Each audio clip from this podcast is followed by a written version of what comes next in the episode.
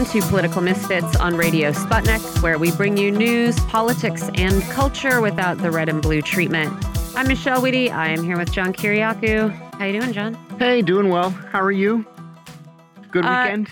Yeah, yeah, yeah. Good. And of course, we have a lot to talk about Yeah. after our long week. It's funny too how quickly the issues change from from week to week. Sometimes we come on Monday and it was a really busy political uh, weekend. Yeah. Sometimes it's a really busy weekend overseas, and this is one of those situations. Sometimes you come in one day and there's no Speaker of the House, and then you come in the next day and they've voted and there's a new Speaker of the House. And then sometimes you come in every day for weeks and weeks and there's still no Speaker of the House. and then, you sometimes decide, you come in and a dozen different people want to be the Speaker of the House. yeah. And then you think, well, okay, I guess we'll just formalize now that our Congress is just a vehicle for sending money and arms overseas. And why should we Yeah. even pretend that we're going to get anything else done? I hate to say it, but that seems to be the case today. Yeah. So we will talk about that a little bit more. Uh, we are going to talk, of course, about the latest moves by Israel, the United States, Hamas, and everybody else watching this catastrophic war. Uh, we'll talk about who might be pushing for a confrontation in the South China Sea. We'll talk about Texas trying to take immigration law into state hands.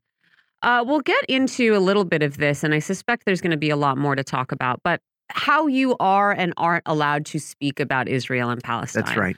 Uh, there have been a lot of examples of little whoopsies online when it comes to content moderation, right? Meta had uh, erroneously uh, listed a bunch of Palestinian users as terrorists Right. because of what we're told was a translation hiccup. But we've had, you know, we've had authors disinvited from awards ceremonies and, uh, you know, people having ads for their books pulled from major websites. Yes. And of course, we have the United States uh, for the past week or so trying to make uh, a ceasefire a dirty word. So we'll talk a little bit uh, about, uh, you know, efforts to to really control discourse when it comes to this conflict, and we'll also talk about a very interesting lawsuit launched by our friends at Consortium News Yes. over this kind of censorship, Yes. not on the topic of Israel and Gaza. Uh, but you know, we- we'll get into what they're accusing the government of doing and what the effect of that has been. And of course, we have Potentially very important lawsuit. Oh, yeah.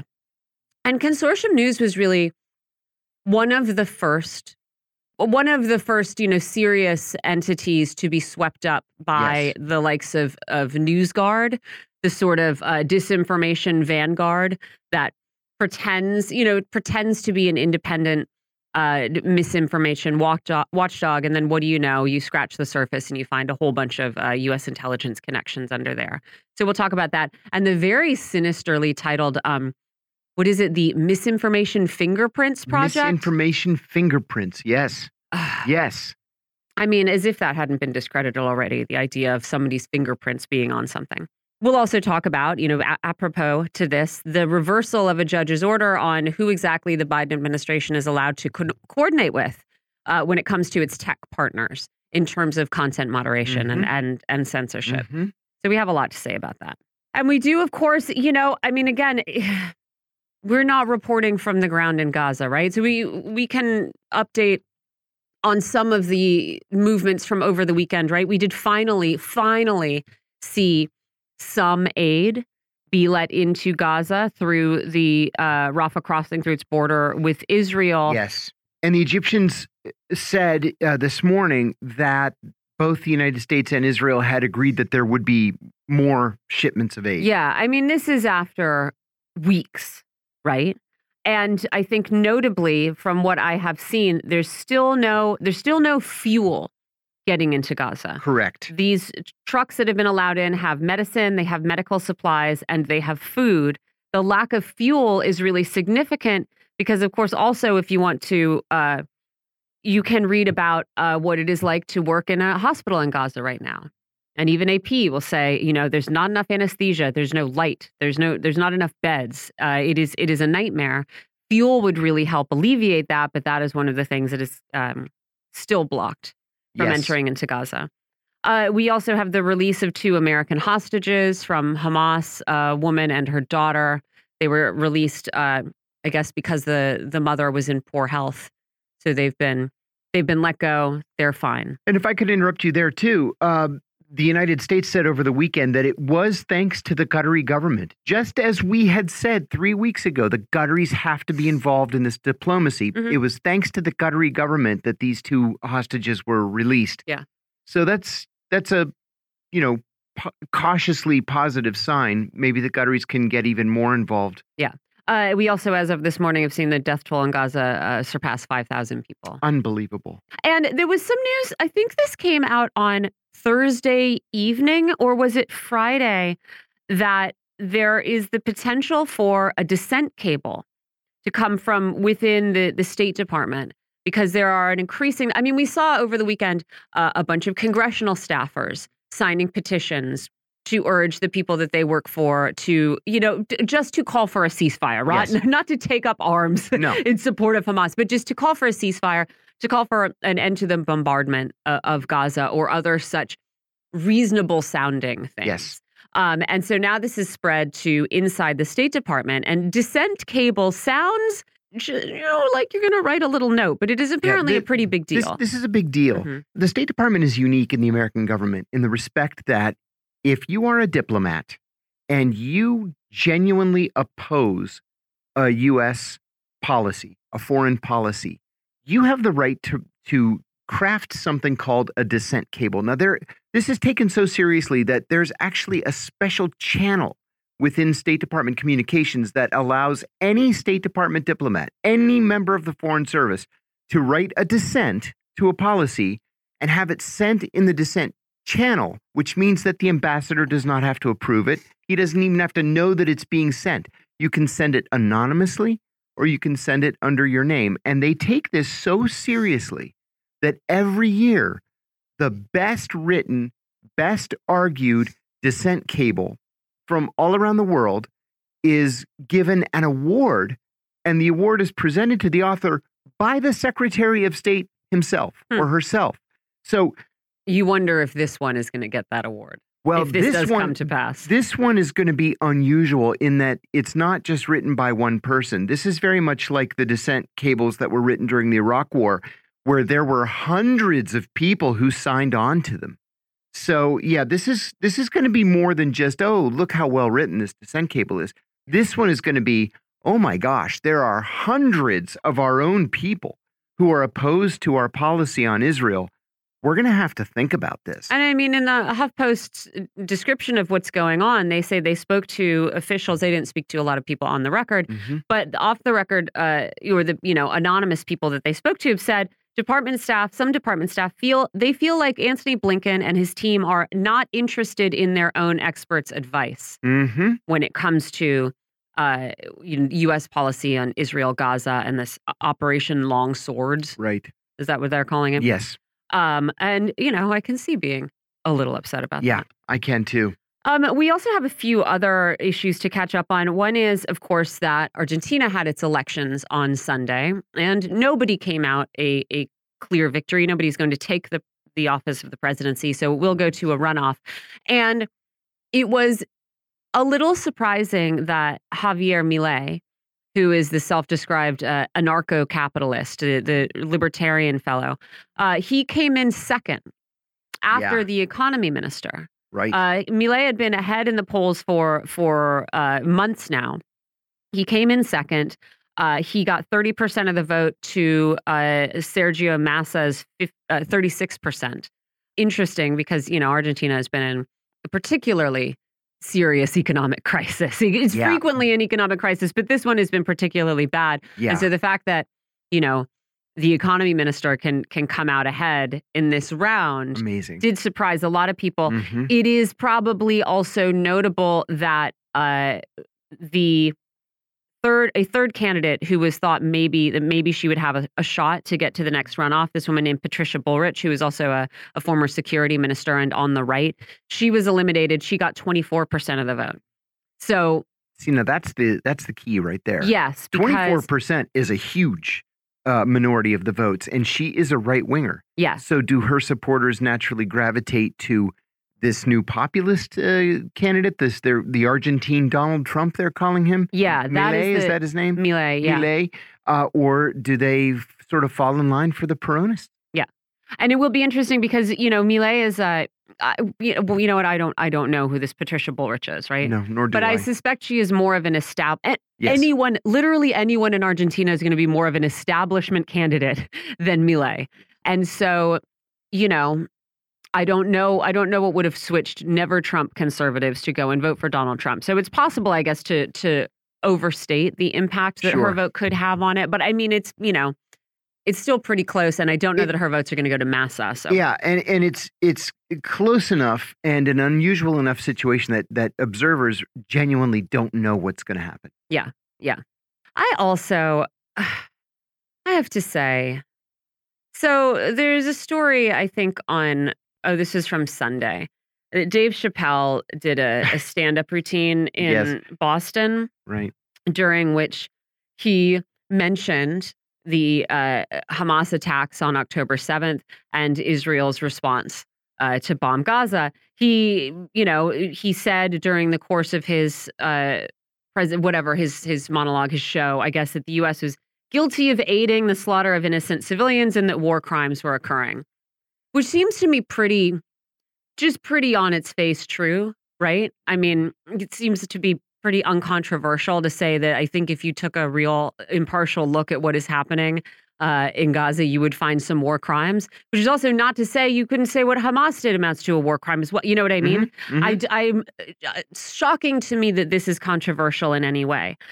But apparently that made uh, some people some people walk out, right? Yeah. Some people booed, some people clapped, someone shouted Oh my Palestine. gosh, are you saying that people were offended at a Dave Chappelle show? I know.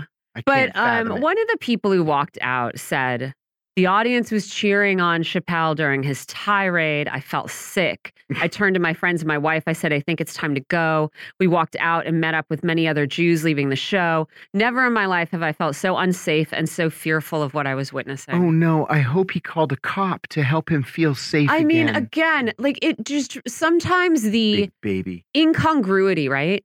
Of these conversations about safety we're having. Like, I want the safety from hearing something that is uh, opposed to my worldview on stage. I want to be safe from seeing something on social media that I didn't want to see.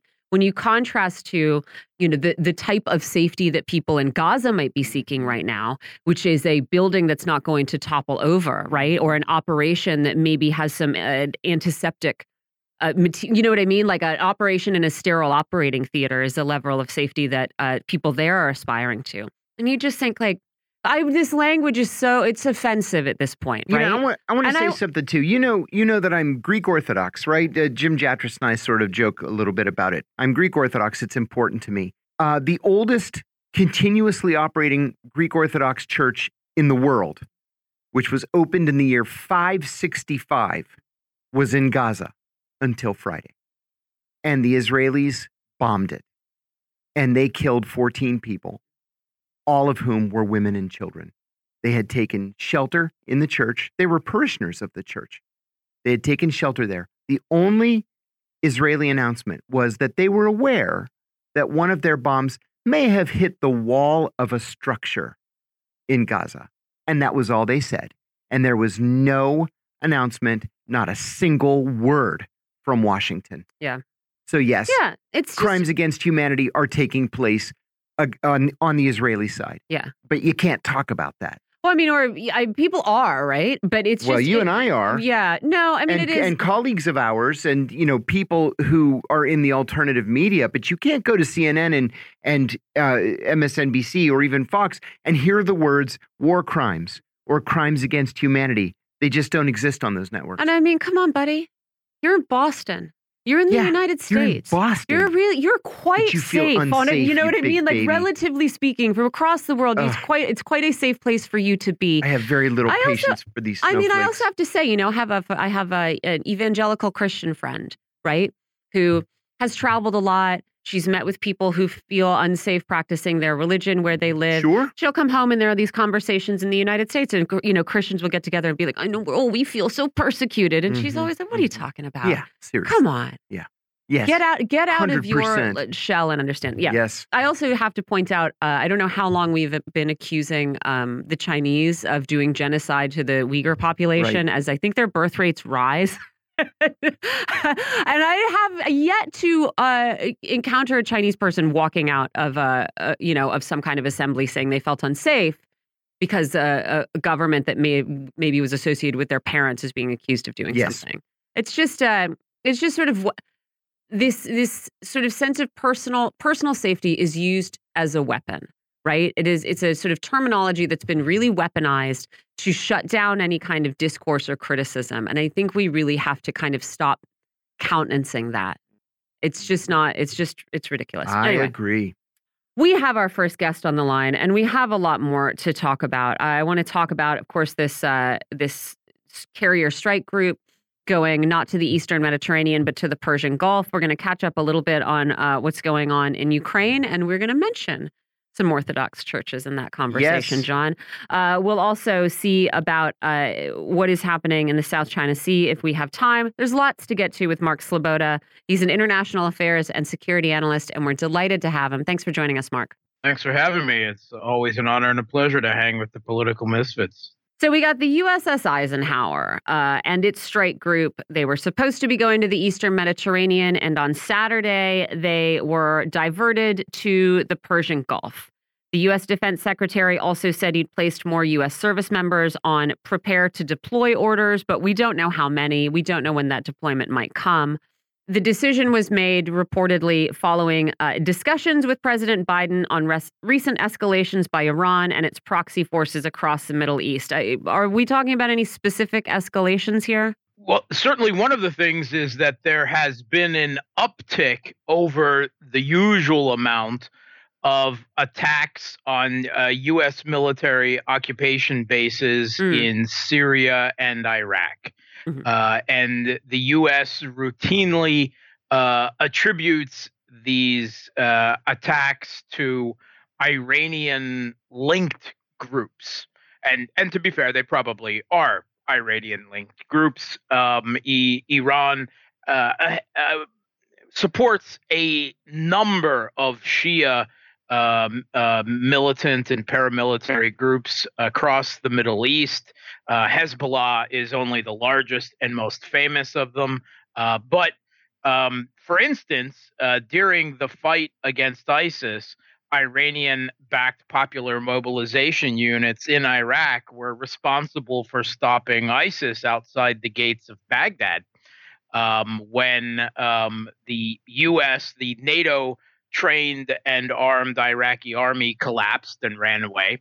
And uh, the- the U.S. officials uh, even credited that ISIS was driven back through a collaboration of um, U.S. air power in the air and Iranian linked militants on the ground. But Mhm. these Iranian linked militants uh, now continue to object to U.S. military occupation of Syria and Iraq, and there has been an uptick on drone and and shall we say like uh, small mortar attacks uh, on these uh, bases. So I believe that is probably what they're talking about.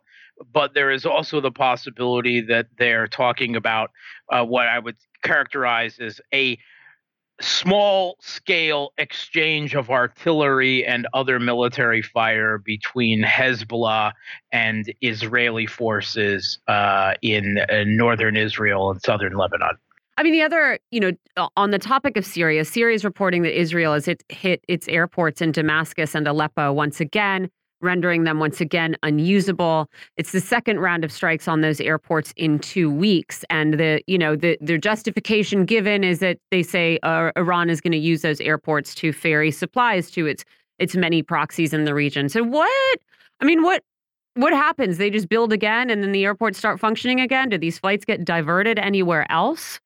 Yeah. Okay. So, um, I mean, when you bomb an, uh, an airport, when you're, uh, you know, um, shelling, uh, you know, say the airfields to prevent their use, this is something that happens regularly in the Ukrainian conflict, Mhm. uh, and these can actually be re-asphalted to, um, you know, uh, uh, re- uh, effective repairs of these airports within a few hours. Mhm. So it, that this is why we've seen repeated Israeli attacks uh, on the airports themselves. Sometimes they're going after um, uh, supplies possibly cases of weapons. At least that's what they claim uh, that are disembarked from uh, planes. Uh, but uh, we've also, you know, hear that they're trying to put the airfields out of operation. That is at best a temporary measure. But uh, let's face it, Israel bombs Syria so frequently with absolutely no upcry or objection by anyone in the West, certainly, that it's become almost, you know, not newsworthy. Yeah. Uh, but there are claims now coming out just today, and these are unverified, uh, that um, uh, Iranian plans have started landing uh, not in uh, Damascus airports, uh, but in the Russian military airbase in Syria, Hmeimim. Uh, and reports that Russia has negotiated a deal with Russia to allow them to land its aircraft on Russian bases, with the ex- assumption that Israel will not target a Russian airbase defended by Russian air defense and Russian air units in Syria. That will certainly be viewed in Tel Aviv as an escalation by Russia. Yeah, and we'll have to see, I guess, if this is confirmed in the coming days or if these are just sort of social media reports, which is the you know the extent that I had seen. I also want I want to ask uh, because we were off on Friday, Friday, so we didn't talk about Joe Biden's address on Thursday night from the Oval Office, and you know it, it was just what we expected. He he announced his plan to request more than hundred billion dollars from Congress, the majority of which will go to Ukraine. Uh, a smaller amount will go to Israel, and it's you know going to be sort of scattered in, in little billions here and there. He called this a smart investment that's going to pay dividends for American security for generations, help us keep American troops out of harm's way, help us build a world that is safer, more peaceful, and more prosperous for our children and grandchildren. So I have to imagine, Mark, that we just missed the part about how this outcome is going to be different from the outcomes of our previous efforts to uh, back proxy fighting forces or flood conflict zones with weapons. Uh, what did I just? Did I just skip to a different channel uh, or something about how we're going to do the same old thing but get a totally different, totally peaceful world this time as a result? Are you suggesting that uh, U.S. aggressions and interventions uh, or the supplying of arms uh, to conflicts in Iraq, Afghanistan, Syria, Libya, uh, Yemen, etc., has not made these places uh, safer, I mean, or has not made the lives of Americans safer as a result? Right. Not to mention, I mean, Joe Biden did also point out later on, and at least he's being honest. He said, hey, guys, you know, I mean, I know it sounds like this money is going to uh, these other countries, but really most of it is going to go to our weapons manufacturers here at home. And so, of course, again, I think, all right, but that's what's been going on for the last 20 years. And none of us outside of uh, Northern Virginia feel any more prosperous as a result. So yeah, I, I I do just wonder how long this charade can go on, where the world seems to get you know more more uh, unstable, more violent as a result of these interventions, and we're keep we keep being told the next one's going to make everybody better off.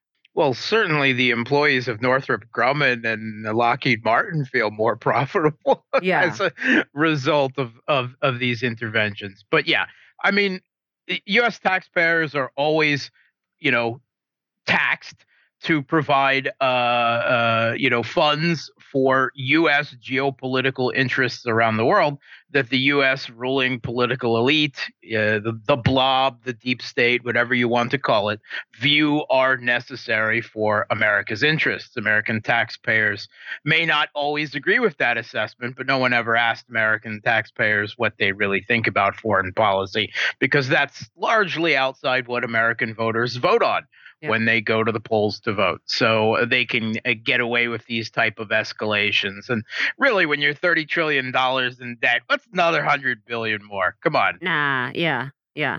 The interesting thing there, though, is Netanyahu, the Israeli prime minister, has reported that um, uh, weapons that the U.S. and other NATO countries have supplied to Ukraine have definitively been identified in the hands of Hamas uh, in Israel.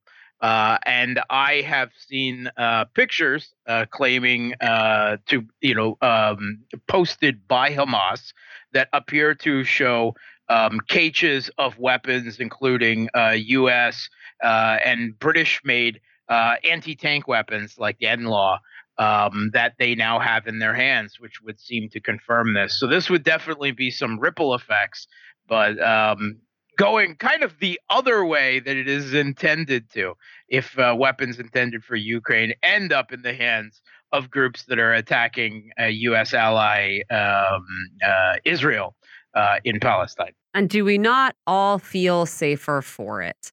I also we have a lot to get to, Mark. So I'm going to ask you kind of a big a big question. Uh, but I know that you have been following some of these uh, discourse battles online, where there does seem to be an effort to obscure some of the more alarming and genocidal rhetoric coming out of you know some of Israeli officials. Right? Uh, there was a story over the weekend where it certainly seems like AP removed a couple of paragraphs from a story about uh, what they were being told by U.S. diplomats. Uh, these U.S. diplomats had reported that their Israeli counterparts had been saying things like the eradication of Hamas would require methods used in the defeat of the Axis powers in World War II, and you know, uh, you know, ignoring um, or be, being troubled by comments about you know continuing to deny food and water to Gaza and why that was necessary. Uh, we've already seen, as John and I have mentioned, this um, U.S. effort to to excise uh, discussions of ceasefire from uh, the conversation, and, and we saw U.S. representatives say it would be inappropriate to consider an international investigation into who bombed the Al Ahli hospital in, in Gaza last week. Uh, I don't know. I wonder how well you think this. Well, I wonder what you make of this this project that seems to be pretty one sided, and how well you think it's working in terms of maintaining sympathy for Israel.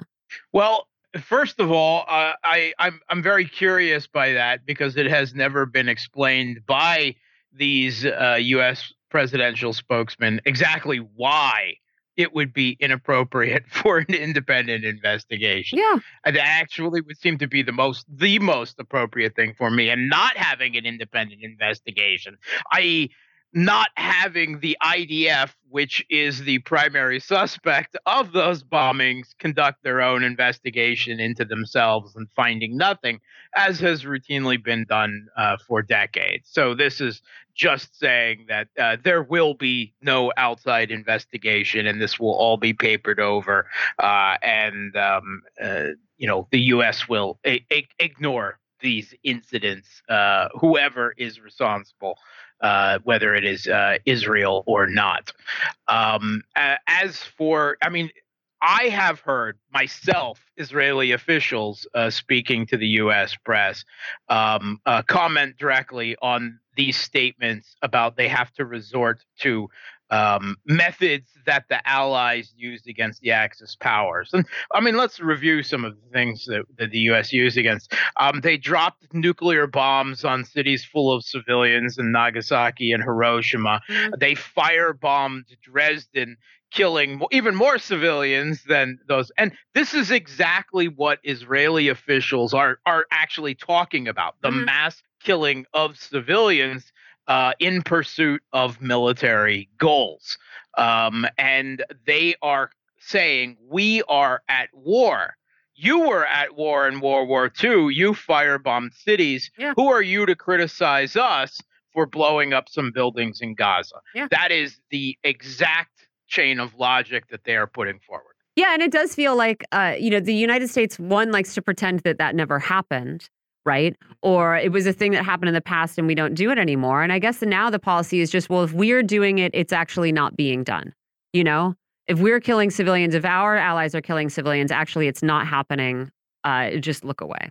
Yeah. Hey, Fallujah or Raqqa, right? I yeah. mean, that, that, let, let's be honest. When you are attacking a city full of people, that's what happens. Yeah. Where, wherever you are attacking it, mm-hmm. it is a it is a military fact. Is that against the the, the uh, uh, um, uh, rules of war? Uh, is it a war crime as it is defined under an international law?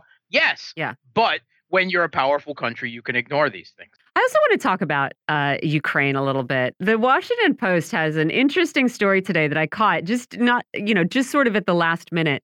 Uh, but it tells us Ukrainian spies with deep ties to the CIA wage a shadow war against Russia. And the story focuses a lot on the death of Daria Dugina uh, and also, you know, bridge bombings and drone attacks. And it says these operations have been cast as extreme measures Ukraine was forced to adopt in response to Russia's invasion last year. In reality, they represent capabilities that Ukraine's spy agencies have developed over nearly a decade, a period during which the services also forged deep new bonds with the CIA. And this story notes that the CIA, I mean, it uses the phrase rebuilt from scratch Ukraine's military intelligence services, including literally paying for new buildings for them to do their jobs in. Very common. And suggests that there, uh, we should, you know, uh, look to see in reality how much daylight there is between U.S. intelligence and elements of, of Ukraine's intelligence and military services, which, you know, uh, is surprisingly to me would seem like to to garner a little bit of sympathy for Russia. If you're saying like you you know to some degree you can consider Ukraine's intelligence services a cutout of American intelligence services. So what do you make of this story, Mark? Yeah, but you're not the target audience. Right. Uh, the target audience, it is not meant to be sympathetic to Russia.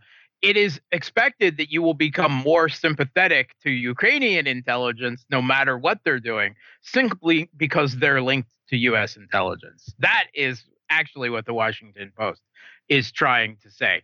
Uh, and they made clear that when it comes to Ukrainian military intelligence, that uh, that you know, as they said for a decade, uh, that they have essentially taken over and rebuilt Ukrainian military intelligence from the ground up. Mm-hmm. They also established a whole separate directorate for collaboration with the U.S. and another one more recently for collaboration uh, with uh, the, the British uh, intelligence, MI6.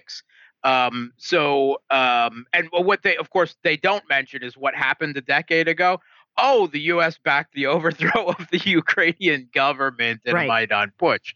Uh, so, um, yeah, it, it, becomes perfectly clear that that Ukrainian intelligence, military intelligence, are simply puppets of the U.S. They go on to discuss the regular Kiev regime policy uh, facilitated, that, therefore, by U.S. intelligence of the targeted assassinations of Ukrainians that it considers collaborators with Russia, i.e., those not loyal to the regime that seized power in the country in 2014. And they went on to describe the assassination of at least dozens of these people. They also specifically talk about the targeted assassinations of Russian civilians like Darian uh, Dugina, mm-hmm. like Vladlen Tatarsky inside Russia, that they once again white, you know, kind of oh, there are some people that have concerns about it, but others feel it is completely justified. Mm-hmm. This is mm-hmm. the type of language they they they they couch it in.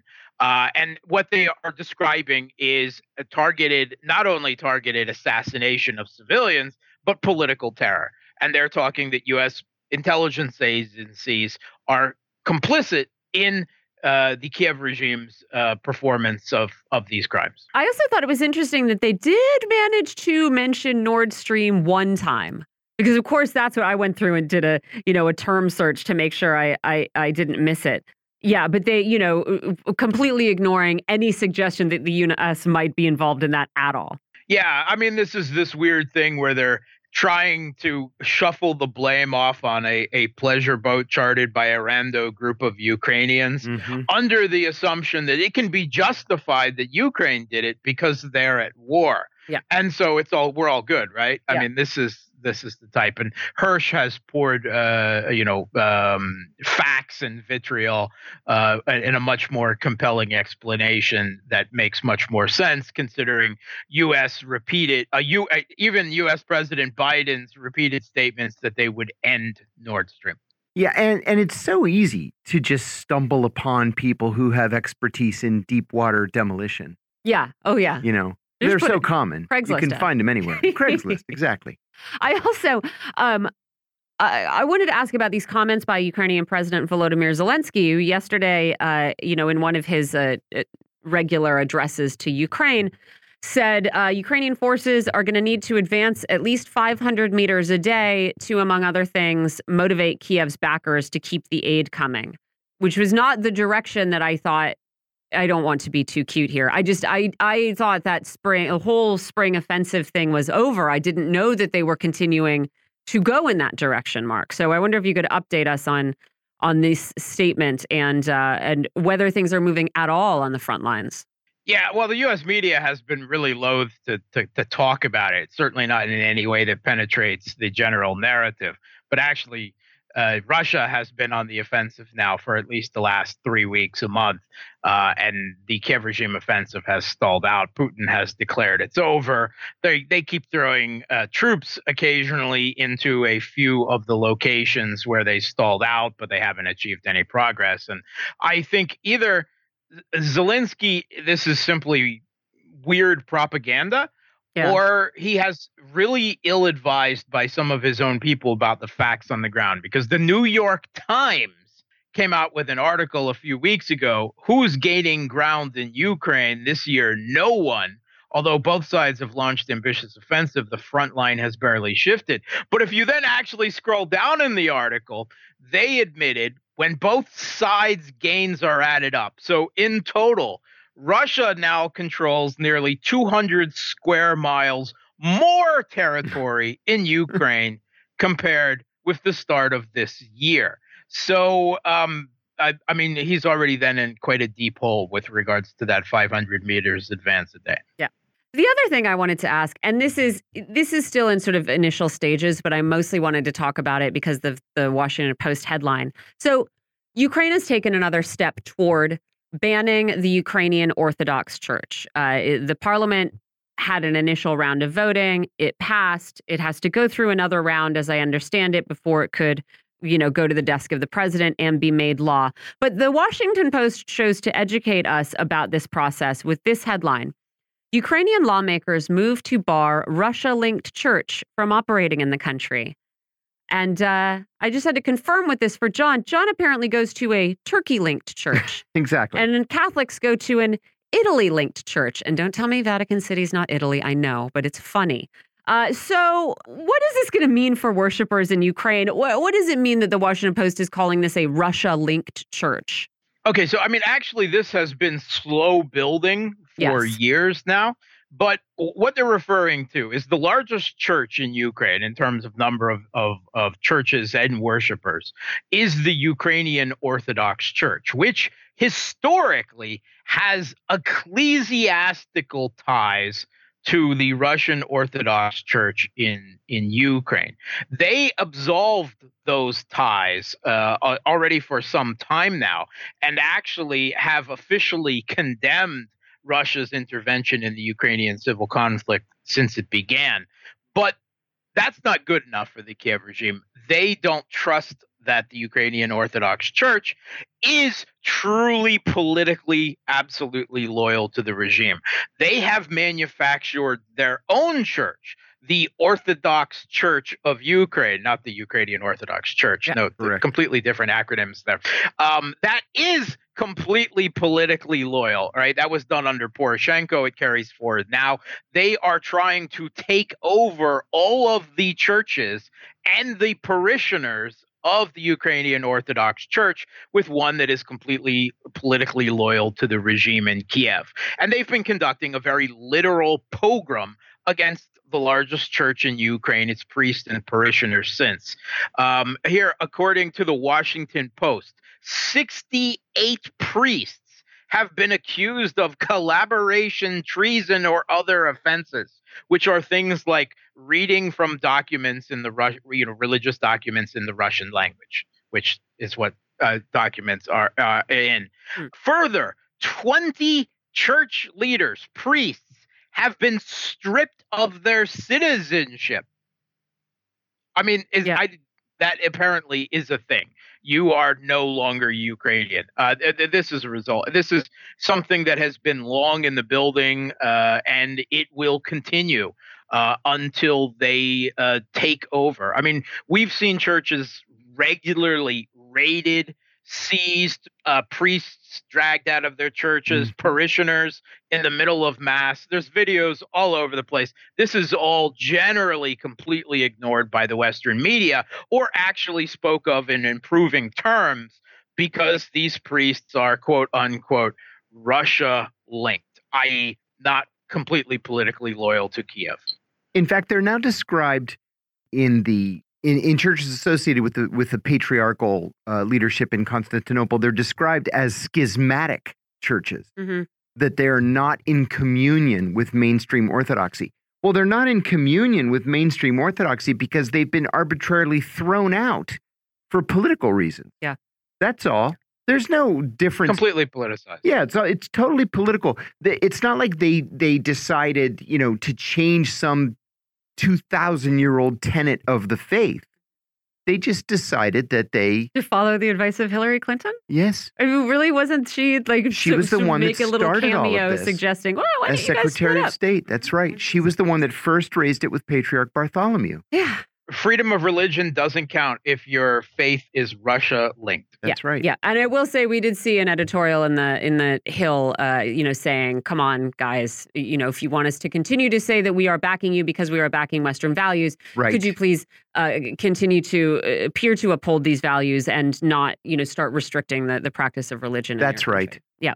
Mark Sleboda, thank you so much for joining us. We really appreciate it. That was International Affairs and Security Analyst Mark Sleboda. I know we have our next guest on the line, and we do have some. Um, I have some questions about immigration policy, including what it would Yeah, mean to make confusing. border crossing a state crime, Right. which is something that Texas is trying to do. We're going to have chaos. That's what's going to happen. Yeah, I mean, we'll see how far this is able to go. We're, we're joined for this in a conversation about a uh, settlement among uh, detainees at Georgia's largest immigration jail who say they were forced to work there uh, and that the state, in doing so, violated anti slavery laws. Mhm. We're joined by Jason Dzubow. He's an immigration attorney. He specializes in political asylum and he writes for The Asylumist. Thanks for joining us, Jason. Let's start with these um, moves by Texas Governor Greg Abbott to take immigration policy and put it into state hands, or really probably, you know, continue trying to force the federal government to change its policies. Um, Abbott is apparently trying to make uh, crossing the border from Mexico without authorization a violation of Texas law and to give Texas police the power to arrest people coming across the Rio Grande, including asylum seekers. Uh, the state Senate has passed a bill that would do this. It has yet to be approved by the Texas House. Uh, but even at this early stage, I am very curious what, what this would mean. Would then the state of Texas be unilaterally deporting people, or, or would these people then just go to jail in Texas? Uh, it's a good question. And I think, uh, you know, the idea that uh, states will start to take on their own immigration policies is that that would be sort of a sign of the the real end of the United States as a political entity. I mean, it's just not something that's possible. Mhm. Um, the state, even if they could criminalize this behavior, and so, you know, certainly they can find behavior within the context of um, migration that they could criminalize. For example, they do criminalize uh, trespassing on private property, which a lot of times when migrants are coming into the U.S., they're crossing private property. So that would be a charge that they could bring against uh, people who are coming into the United States. It's not particularly major charge, but that's something that they do have the capacity to bring. But they don't have the capacity to actually deport the people who are charged with a crime. They only have the ability to incarcerate them or fine them. Um, it seems to me, uh, you know, they're busing thousands of migrants to different parts of the United States. Um, if they were instead to stick those migrants in their own prisons, they would be quickly overrun. I mean, they would just be filled. You have to be build a city of prisons. Yeah. Yeah, yeah, they would. They have a lot of space in Texas, but I don't think they have a lot of space for that. Um, it would be incredibly expensive. It would be counterproductive, and I don't know that it would really serve as the deterrent that they hope it's going to serve as. Yeah, I, it made me wonder really about, you know, uh, we've talked about sort of private jails and the and the private uh, prison system, and I wonder if you could talk a little bit about the the role of profit in our migration system. I mean, we've, we've heard other people discuss, uh, you know, the the money that there is to be made in border security, um, but the the idea of Texas just deciding we're not going to bust these people anymore. We'll just uh, make a ton of money making a bunch of private jails. I mean, it's dystopian and probably. It's I mean, I, the That's reason I wanted to talk about it. this, Jason, too, is because I, I, you know, that's what I saw when I read it. I was like, well, if states are making their own immigration policy, what the hell is United uh, about us? Uh, Um, so, could you talk a little bit about uh, profits in our migration system? Uh, this has been an ongoing issue for a long time. You know, when the Trump administration came in, they had decided to kind of increase the use of private prisons. Uh, Biden administration decided to decrease the use of private prisons, but private prison uh, industrial complex has really been a source of uh, abuse for many years within the immigration system. I mean, these these are prisons where uh, you know, they they're not uh, as well monitored, let's say, by U.S. government as they would be if they were actually operated by the U.S. government. And of course, the purpose of these prisons is not necessarily to do anything except for make money. Yeah. And so you make money by uh, skimping on resources, skimping on, for example, mental health resources, physical health resources. There's been a lot of um, examples over the years of prisoners, you know, not prisoners is probably not the right word, detained migrants who are not criminals um, being subject to all sorts of abuse, everything from physical abuse, mental abuse, sexual abuse. Uh, and, and, that's kind of been an ongoing struggle between advocates for, for migrants and the prisons themselves, which of course want to minimize these problems and try to deny them at the same time that they also want to maximize their profits. So it's it's really been an ongoing issue, and even alternatives to detention, for example, ankle bracelets. Uh, there, has been a lot of uh, difficulties there too, and, and, and, charges of corruption in some of the private uh, organizations that operate the uh, uh, let's say the, the alternatives to detention program, uh, which in the end oftentimes ends up harming migrants because they're forced to pay for some of these services if they're in, in an alternative to detention and it can be just very, very burdensome and almost impossible for them to, to, to make the payments necessary to be out of jail. I also, you know, when you talk about skimping on services, right? Physical services, mental health services. I mean, it seems like the thing that this uh, facility in Georgia was skimping on was just staff. A group of former detainees in Georgia's largest immigration jail have won a settlement against the private prison company that operates the jail, saying um, that they broke anti slavery laws by forcing detained migrants to work. Uh, the plaintiffs in this appeal said that they were threatened with things like solitary confinement if they decided not to work. They also needed to earn money to buy food because they weren't getting enough at the center. And so they were essentially forced to take prison jobs that paid between $1 and $4 a day. Uh, the company who operated the detention center has settled. Uh, it is unclear what they're going to give to the people who say they were affected by this. Uh, but I mean, there, there's going to be some unspecified kind of compensation. Uh, but now they are also agreeing that they will provide every detained migrant uh, with a document that outlines their rights, including the right to refuse to work at any time. And so, again, this looks like a little trick here, where uh, you know you you build the jail, you pick up migrants, you put them in this jail, you understaff the jail, you make the migrants cook and clean and run the jail themselves, and you collect government contracts. Yeah, and actually, the number of people affected by this is really pretty shocking. I mean, the class action itself sought, sought to certify about 30,000 people. Wow. I mean, it's a tremendous number of detained migrants. Uh, and, you know, that's not all, of course, detained at the same time. That's over the course of years that this, this abuse was, was, was going on. But, uh, you know, this is a big problem. And, and right now, I don't have the numbers, but you know, during the Trump administration, you have 30 to 40,000 people per day um, in immigration detention facilities. Now it should be less. Uh, but nevertheless, you're talking about a large number of people over a long period of time. Um, these these private prisons, uh, again, they're trying to maximize their profits, um, and so their incentive is, of course, to get as much free labor as they can from the, the prisoners, the detainees, uh, whether it's cooking in the you know the kitchen or cleaning whatever it may be. But you know, even I guess I would say I don't feel a super high level of confidence in a settlement that basically gives immigrants a, a piece of paper that tells them they have the right to refuse work and they have these are the rights that they have. I mean, they receive a lot of that information anyway, and oftentimes migrants, for various reasons, they're scared yeah. Um, they're just uh, unable to understand what this means.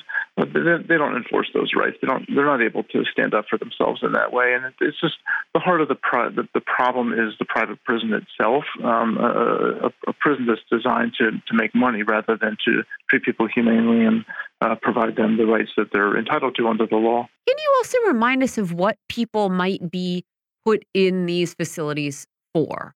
You know, when we talk about people who are detained, what have they been detained for?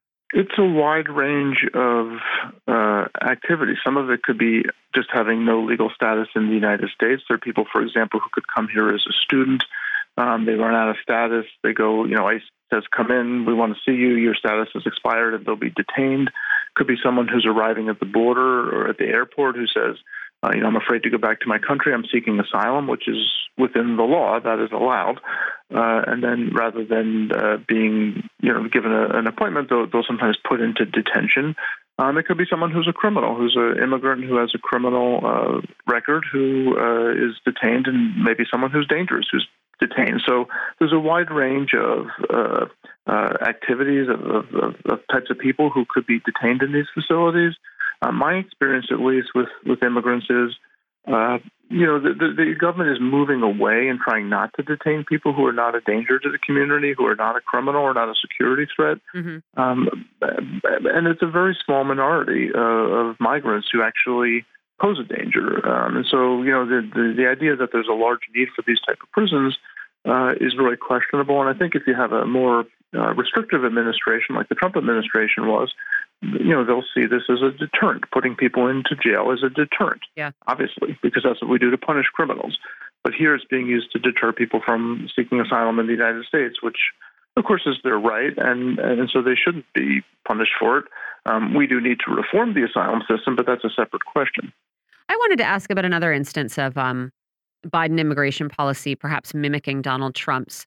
Forbes today is reporting uh, about a new rule proposed by the Biden administration on H 1B visa restrictions and saying that it copies verbatim language from a 2020 Trump rule that was aimed at blocking foreign born scientists and engineers. And I'm not an expert on this visa program, but the language in the rule, I guess, would narrow the definition of specialty occupations uh, the practitioners of which can be considered for the program, and it makes very specific the education needed to get a visa for those roles. And the story sort of points out there are lots of people doing very specific tech jobs that don't necessarily have very specific tech bachelor's degrees. So, can you talk to us about you know whether this rule actually makes sense to you whether you think the biden administration is just sort of being lazy and copying or what is going on here well, I think first of all, just by way of background, there's been a long debate, I think, within the tech community about whether H-1B visas are something that's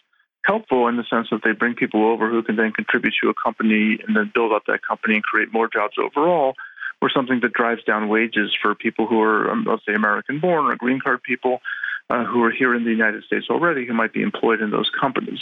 So there is a legitimate debate about, you know, whether this program is helping or hurting us economically.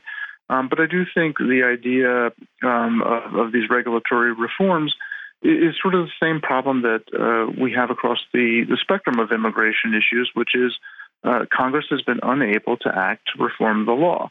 I mean, H-1B, uh, the, the, rules related to H-1B are nothing new. They've been around for uh, probably 20, 30 years, uh, whatever length of time. Um, you know, and during that time, of course, there's been massive changes to the tech community and massive changes to the needs uh, for our uh, technological economy in the United States.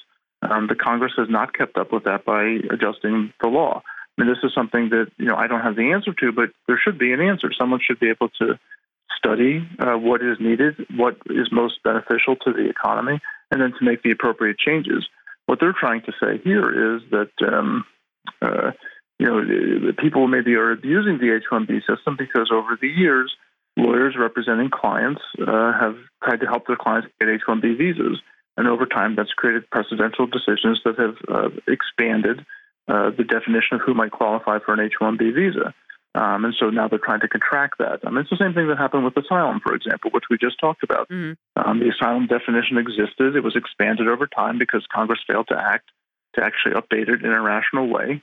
Um, and then the Trump administration tried to kind of claw that back, and the Biden administration uh, you know, change it again. So it's, it's just been this sort of back and forth. Um, but the, but the root of the problem again is Congress's failure to update the law to uh, to accommodate the needs of our country. Yep, and that it feels like that is always what we come back to. The root of the issue is that we do not have any actual, you know, uh, clarity or update to to these policies. Jason Dzubow, I really appreciate you joining us. That was asylum attorney Jason Dzubow. You can find more of his writing at theasylumist.com. Oh, wait, just asylumist.com. But if you put in the asylumist, Google will take you to it. So don't worry about that. Thank you so much, Jason. Really appreciate it.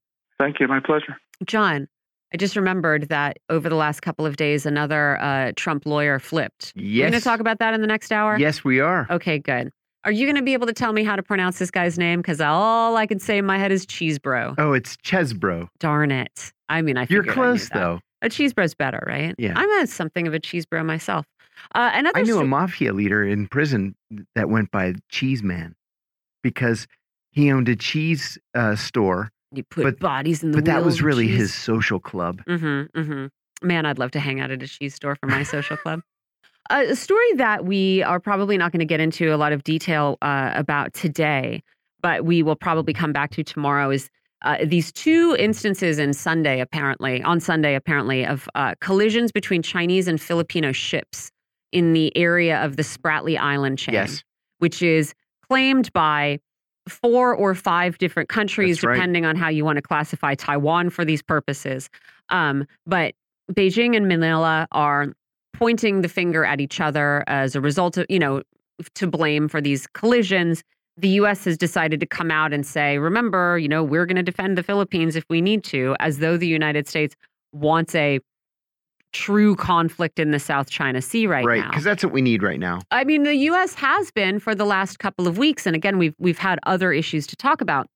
That the U.S. has really ramped up our accusations of uh, Chinese recklessness in the South China Sea. Mhm. They published a whole new report about how provocative they're being, and I mean, you know, possibly Beijing has decided maybe this is a time to do a little poking and do and do a little testing and see if we can sort of push the boundary or this is the United States sort of on on a out of inertia continuing this policy of provoking China in its own backyard and not being able to sort of stop that moving ship even though we have our hands full in Ukraine and now in Israel. So I think that we'll probably get into this a little bit more in a future show.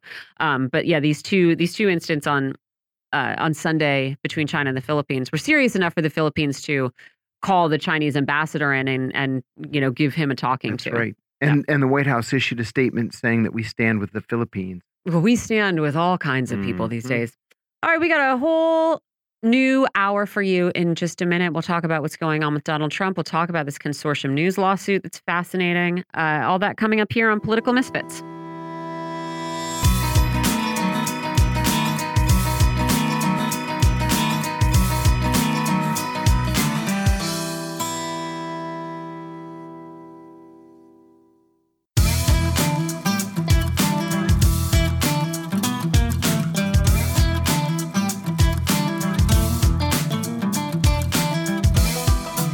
Back to Political Misfits on Radio Sputnik, where we bring you news, politics, and culture without the red and blue treatment. I'm John Kiriakou, here with Michelle Witte.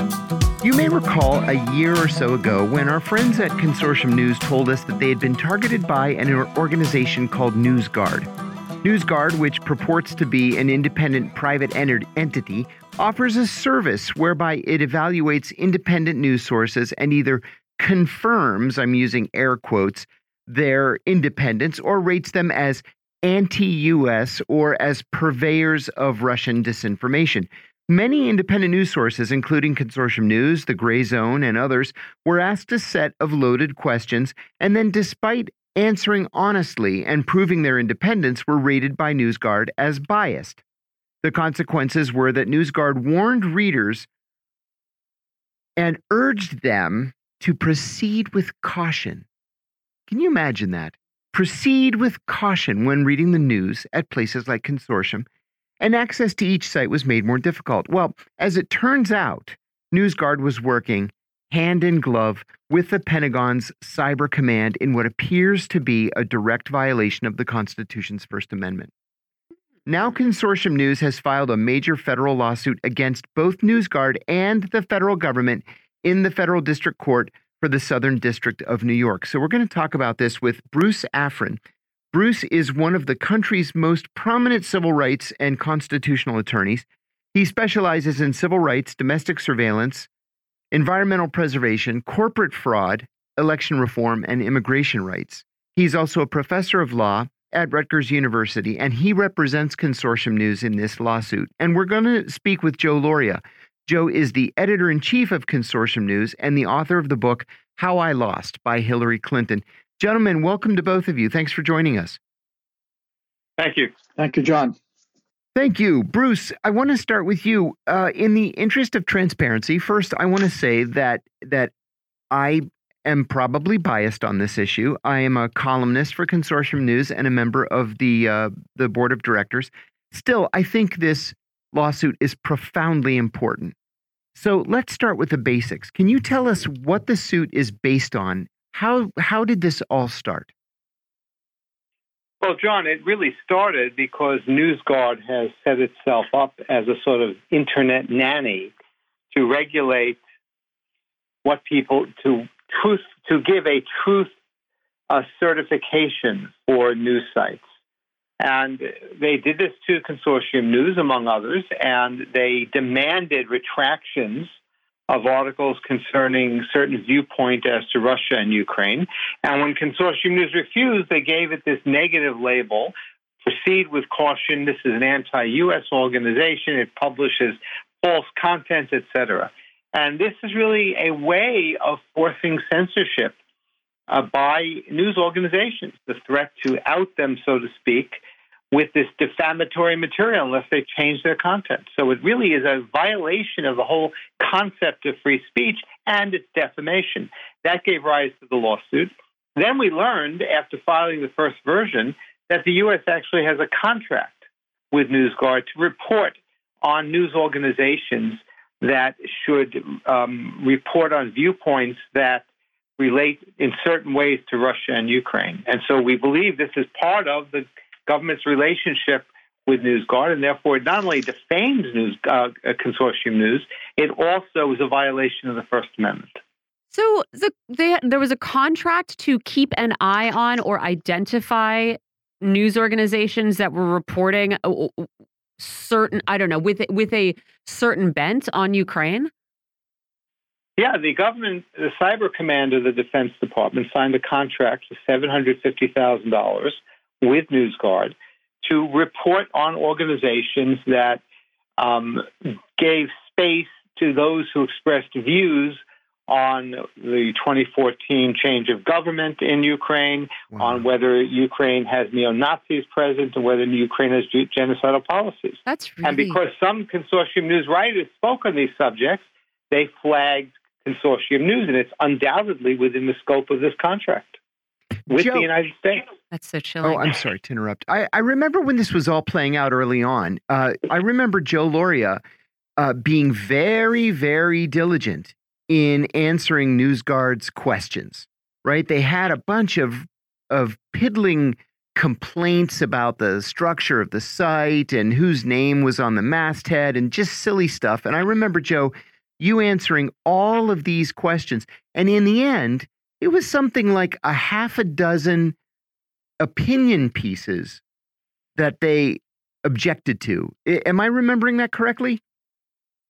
That's absolutely correct. They've only take they've taken objection to six articles out of more than 20,000 that Consortium News has published since 1995. And they put a red mark on all of our videos when they appear on a search engine oh. or on Twitter, even though they did not download or review a single video. At least they didn't tell us that they did. Yes, I responded uh, to all of their uh, allegations against us for publishing false content, which, by the way, took place in the very first call I received from them, uh, or email, I should say, without uh, asking us for any kind of response. We were immediately judged to be guilty in that first email. And uh, I have to say that in that article I wrote, uh, I I think we refuted what they said about the coup, about mm-hmm. the Nazis, and about policies towards uh, Rush, ethnic Russians in Donbass. If you read the lawsuit, which is available on our website now in the article that we've published, you could read the site. It, uh, sorry, this uh, extremely well written. I thank Bruce for that lawsuit. That's very substantive because we repeat a lot of those arguments on those three issues. Yes. So this isn't just a, a flimsy lawsuit. We and we also got into RussiaGate as well. As Bruce will tell you, they came after us on another issue after not hearing from them for a whole year. Oh. Once we filed that initial lawsuit, we heard from them again. Isn't that interesting? Oh, that's very interesting. Bruce, we noted more than a year ago here on the show that NewsGuard's board of directors was made up of people with deep ties, or I should say, many of them had deep ties to the national security community. Do you think that that played a role in NewsGuard's decision to go after news sites that didn't toe the government line on foreign policy? Well, it's difficult to say for certain, but certainly it's unusual for a journalistic organization, as they call themselves, to have people who have been high level intelligence community officials. Uh, you know, I, I, do want to note, though, we're on, on the Sputnik uh, network, and obviously there are yes. concerns in our government that that has ties to people in the Russian government. Correct. Um, it's difficult to know what the influence of any of these individuals are. And but but certainly it's strange for an American journalistic organization to have former intelligence directors on its board. And, and strangely enough, when they contacted News uh, Consortium News, they said, "Oh, the, you know, their reporter Matt Fishman in his email said he's a reporter with NewsGuard, and they're doing a review of Consortium News. Yes, I remember. Well, that makes it sound like it's a journal, an ordinary newspaper. Right. They didn't disclose then that they had a contract with the Defense Department to report on organizations that supposedly wow. uh, reported on Russian on Russian propaganda, as the government calls it. So they call themselves a newspaper, yet simultaneously they have a contract with the defense community and intelligence community to report on news organizations to the United States. Now, I've never heard of any newspaper calling itself a journalistic operation when it's under contract to provide intelligence to the government. Amen to that. Bruce, what is what is this NewsGuard misinformation fingerprints program and how have NewsGuard and the government used it to silence consortium news? Well, first of all, they haven't silenced consortium. Well, no, that's yeah. a good point. Yes, they have not. They've attempted to. Attempted. Frankly, by, right, by naked coercion basically making it clear that if they did not retract or correct these stories, they would get the negative label from NewsGuard. Uh, what misinformation fingerprints is their program in which they supposedly use some algorithm to somehow identify organizations that spread disinformation as to Russia Ukraine matters, things that the government thinks are Russian myths that are propagated. Now, you know, there's no way an algorithm can evaluate the, the subjective content of viewpoint on newspapers or websites. But they kind of create the appearance that they have a scientific basis to do this. And the government is contracted with NewsGuard to use the misinformation fingerprints program and report on organizations that it flags or it tags. And, um, you know, so this is a very unscientific uh, methodology that they kind of try to couch in scientific terms basically they look over a website and they say, are they spreading what we think is Russian propaganda? If yes, they put them on the list. That is what the science amounts to. And that's the function of it, to identify those who allegedly spread this type of disinformation. But of course, you know, like they say, who was, watches the spies? Who watches the the news nanny? That's right. Who decides whether they are using adequate standards? And, and this is all a threat to free speech. And I noticed in your interview notes that many legislatures are trying, starting to look at media information moderation right. as mandated for platforms. What does that mean other than the law stepping in and saying you must knock out speech that some people don't like? That is exactly and, and this right. becomes a this becomes a major problem in all areas. I'm honestly surprised that they're still using the fingerprints terminology because I would think at this point, I mean, fingerprints is, it seems very clear. It's just the thing they say when they don't want to present any evidence, when probably they don't have any evidence, but they want to pin some kind of crime on an official enemy, right? So it was supposedly Russian disinformation fingerprints that were all over the New York Post's initial Hunter Biden laptop story that we were supposed to discredit it, right? But it's what they use to to point you know, any sort of hack in one direction or another. Oh, this one's got Chinese fingerprints on it. Oh, this one's right. got North Korean. I mean, I'm surprised that they think anyone still takes this seriously, but I suppose people must, right? Because uh, the the pushback against some of this stuff gets so little reporting. Well, you know, it's a difficult question. I, NewsGuard has said it has about 40,000 subscribers. So, in that level, they're not getting many people. But they are respected by mainstream media when they issue a report. Right. Uh, as, as they just did in connection with the Israel Gaza war. In which they've identified organizations promoting disinformation. So they do get credibility that way. And when they put an organization on a list, that does hurt and it drives away advertisers. And so it can have a pernicious impact, especially on a small uh, independent news organization. Mm-hmm. Yeah, I just saw my, I, if, I, if I can diverge a second, I just saw my email. The Washington Post has a story up just now that Ukraine, the CIA has designed and built Ukraine's espionage capabilities. Right. right. Now, if, if Consortium News ran that, that would probably fall within the disinformation category. Oh, yeah. They're not giving a red star to the Washington Post. Good this point. shows how subjective That's right. Yeah, that is an interesting point, and shows how like uh, the passage of time allows certain stories to be laundered through the correct outlets. That's you know, right. oh, now okay, That's we'll talk right. about our deep ties to Ukrainian intelligence, but Consortium News, sorry, you guys were on it too early. Yeah. Well, you know, if I could offer one more example uh, of the danger of calling something disinformation. Uh, President Trump believed that there was evidence that the COVID 19 virus came from a lab in Wuhan. And he was ridiculed for spreading disinformation by every mainstream outlet. Then a year later, the Biden administration said, We accept the intelligence that demonstrates the virus came from the lab in Wuhan. So, on, and one moment it's disinformation, and the next moment it's accepted intelligence. That's right. Joe, have you been able to quantify the effect that this has had? Have you seen, for example, a drop in the number of of uh, visitors to the website? Uh, well, this has now been going on for more than uh, more than a year.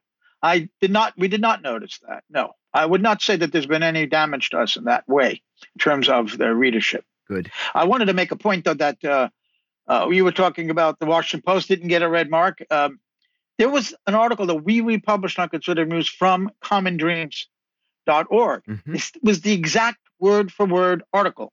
Uh, when you look up the, at that article on Google, you'll see that NewsGuard gave it 100% when it's on on Common Dreams and 47.5% on Consortium News. So they're going after the organization, not the content of the articles. Wow. Oh my goodness, uh, Bruce. You note that the lawsuit uh, that NewsGuard uh, in the lawsuit, I should say, that NewsGuard gives uh, some independent news sites this red flag, meaning they're unreliable. But if they alter their viewpoints on issues like Ukraine, for example, they can convert the red flag to favorable status. This seems like overt censorship to me. I know that the lawsuit was just filed. Um, and that the defendants have not yet had a, a chance to respond in court in writing. But but can you speculate as to what a defense to that might be? How could this not be seen as censorship? Well, you know, that's the problem. The way to avoid the red flag is to change the viewpoint of your writer. That is in, enforced censorship. And if it comes through a contract with the government, it's viol- violating the First Amendment itself. There's very little way to say that if you don't change your opinion, we'll out you, that that is not a form of uh, compelled censorship. Mhm. You know, it's one thing for NewsGuard to write a review and say, we disagree with Consortium News on the genocidal policies of Ukraine, for example. Here's why. Right. That's fine. Consortium News might even publish that. But to label a news organization the purveyor of false content and anti US because you disagree, that is a form of authoritarianism. And, and that tendency is what's dangerous. That if NewsGuard legitimizes that in many people's eyes, that becomes a threat to our basic speech.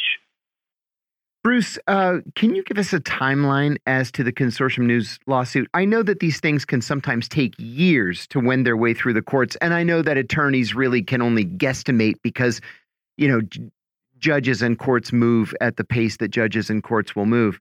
Uh, but do you expect this thing to to take years to finally um, wend its way through the system? And it seems to me that this is an important constitutional issue. Would you expect that no matter what the outcome is at the district court level, it will end up at the Court of Appeals or maybe even the Supreme Court? Oh, it'll absolutely end up at the Court of Appeals. Now, if NewsGuard or the government move to dismiss, and the court should do that, we would immediately appeal. And that process takes a good 18 months. Right. So you can look at at least two years in the courts. Now, if the court denies their motion to dismiss and sets it for trial, a year later we may have a trial date. And at that point, we'll have had discovery. We'll find out exactly what the relation between NewsGuard and the government is. Right. And we'll find out what their policies are internally for who they target. right. You know, why did they only target Consortium News after the contract with the government was signed? Why were they quiet for a year and only after we file a first version of this complaint do they then come back to us? It'd be interesting to find that out in discovery. So we may be a year to a year and a half from a trial. And then after that, if there's an appeal, another two years. So you're talking about probably three to four years in the courts, unless NewsGuard comes to its senses and agrees to settle and change its practices. You know, we've been following this story also about uh, the Biden administration's uh, pressure that it's putting on social media um, uh, companies, Meta and uh, and YouTube, for example, and TikTok.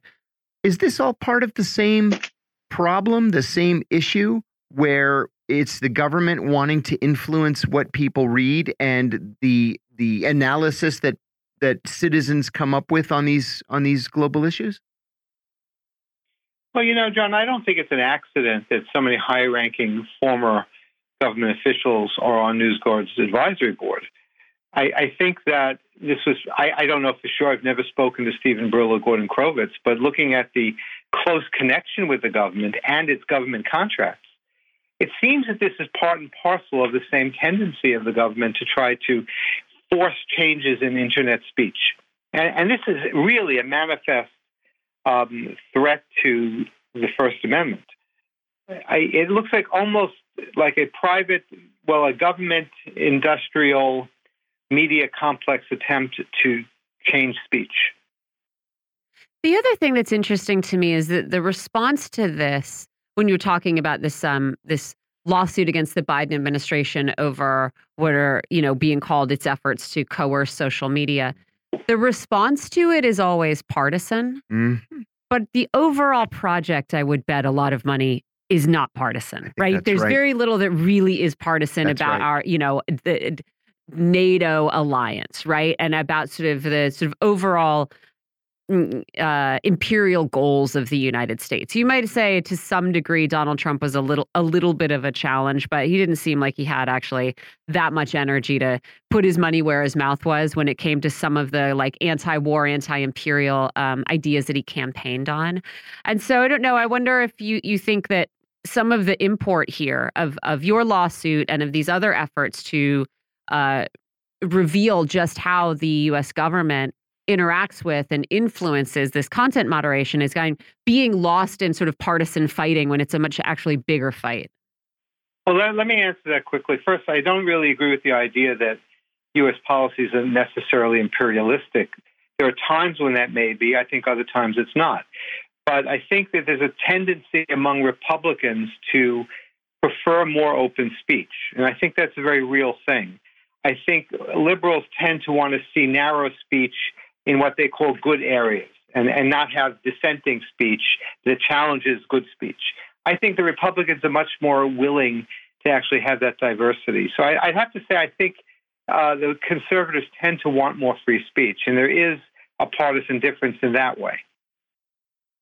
I would like to thank both Bruce Afran and Joe Lauria for joining us. Joe is the editor in chief of Consortium News and author of the book How I Lost by Hillary Clinton. And Bruce is one of the country's most prominent civil rights and constitutional attorneys.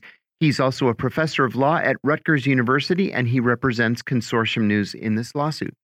And I know that our next guest is on the line, so I am going to welcome him. Carry on. Well, the House of Representatives as we all know, is still stuck in limbo with no speaker and no hope of a speaker in the immediate future. They're taking the day off today until this evening uh, when they're holding a speakers forum within the Republican caucus. Representative Jim Jordan, who had lost three rounds in his bid for the speakership, finally quit the race on Friday evening after losing a nomination vote in the Republican caucus. Over the weekend, nine other Republican congressmen announced their own candidacies for Speaker, and another three say they are considering jumping in before 7 o'clock tonight. New votes are expected to begin tomorrow, even if that's just inside the Republican caucus, and it's possible. It's possible that Republicans could rally around one compromise candidate by the end of the week, but don't hold your breath. In the meantime, Senate Minority Leader Mitch McConnell said on one of the Sunday morning talk shows yesterday that House Republicans needed to get their act together quickly. Former Speaker Kevin McCarthy said, quote, Republicans are in a very dark place right now, unquote. And conservative commentator Ann Coulter told a radio show, quote, these Republicans are all idiots, unquote. That's typical of Ann Coulter. As we mentioned earlier this hour, Consortium News has filed a lawsuit against the federal government and against NewsGuard for interfering in its constitutional right to freedom of press. You just heard that. But we're seeing a lot of behavior now from the government pressuring social media platforms to toe the government line on Ukraine, on Palestine, Taiwan, Venezuela, and other issues. How is this constitutional? And what will the fallout be from the inevitable lawsuits that come of the policy? The news over the weekend continued to worsen for Donald Trump. One of his lead attorneys, Sidney Powell, she of Release the Kraken fame, agreed to take a plea to six misdemeanor counts of conspiracy to overturn the 2020 election in exchange for five years of probation. But she must testify against Trump if called to do so. Trump's response was typically Trumpian. He said that Powell was never his attorney and that he really didn't know her very well. We're going to talk about her and Jack Chesebro in a moment. And Australian Prime Minister Anthony Albanese is scheduled to arrive in the United States later today. The official agenda is to discuss relations with China, but the unofficial agenda will focus on the status and the likely upcoming trial of WikiLeaks co founder Julian Assange. But in today's issue of thehill.com, what's the headline on Albanese's? Don't don't cheat. What's the headline on, on Albanese's visit? It's that the B 52s are performing at the dinner. Wow. Yes. Incredible. Nothing else to discuss there. No, no, nothing else is important. Yeah. The B 52s. So we're going to talk about this with Jim Jatras. Jim is a former U.S. diplomat and former senior foreign policy advisor to the Senate Republican leadership. Jim, thanks for joining us. There's so much to get into here. Appreciate your time. John, Michelle, howdy. Always great to be with y'all. Well, we're not going to be able to see the B 52s, but we can at least talk about some of these issues. I would actually love to see yourself. the B 52s. Yeah. B 52s. I think they're great. But, Jim, let's start with this rate for, uh, race for Speaker of the House. Chaos just continued to reign over the weekend. The Republican caucus finally voted Jim Jordan out as the caucus nominee for Speaker, and nine other members immediately threw their hats into the ring. Another three are considering running. Everybody understands how important it is to fill this role. There are important bills pending. Uh, and even more critically, the government will run out of money in just three short weeks. So, first, can you explain to us the process within the Republican Party for weeding through as many as a dozen people and choosing a new speaker? How does that work? Is it that a nominee will be chosen within the caucus tonight at seven o'clock, or are we going to have to have round after round with individuals being eliminated in each round? Well, frankly, I think it's looking better and better for Donald Trump as Speaker. I mean, this uh, chaos has, has his name written all you know over what? it, doesn't it? Stranger things have happened. I have to agree with you. I think that that's actually a possibility. Well, especially since uh, his presidential prospects aren't look, not look, looking that good at, uh, when we get to the question about Sidney Powell. Um, look, um, I, I, like I said before, I don't. Under, I was a Senate guy. I Yes. don't really understand the House process as well. My understanding is yes, as you asked, that the caucus does select a candidate for Speaker, just like Jeffries has been selected by the Democratic caucus, and then then they have a vote in the House to see who has majority of votes. And so far, they don't. I mean, the, fact of the matter is, is the majority of Republicans. You know, they they want the trains to run on time. They want to spend Right. spend the money, and the train could stop going. No way to slow down. I mean, they, whereas you've got the uh, minority of, of Republican members who do want to slow the train down, or at least stop stop it, or something different than just spending money in league with their Democratic colleagues. Right. And um, the, the fact of the matter is, whoever ends up as the speaker is going to find himself in the same impossible position that McCarthy uh, did. Right. It's not a matter of personalities; it's a matter of objective circumstances between what most of the Republicans want to do and what a minority of the Republicans want to do vis-a-vis, you know, there's a reason why Mitch McConnell's calling for getting the speaker in there so we could get back to business as usual. Yeah, actually, that's a great segue into the next the next question. Um, and I, I'll apologize in advance to our to our listeners and viewers if this is too far down in the weeds. But I'm seeing a lot of Republicans in the House, important Republicans, complain about the notion of an omnibus bill. Now, we're not supposed to have omnibus spending bills, at least not in the House, right? You're supposed to vote on individual uh, portions of the federal budget that come out of the, the House Appropriations Committee.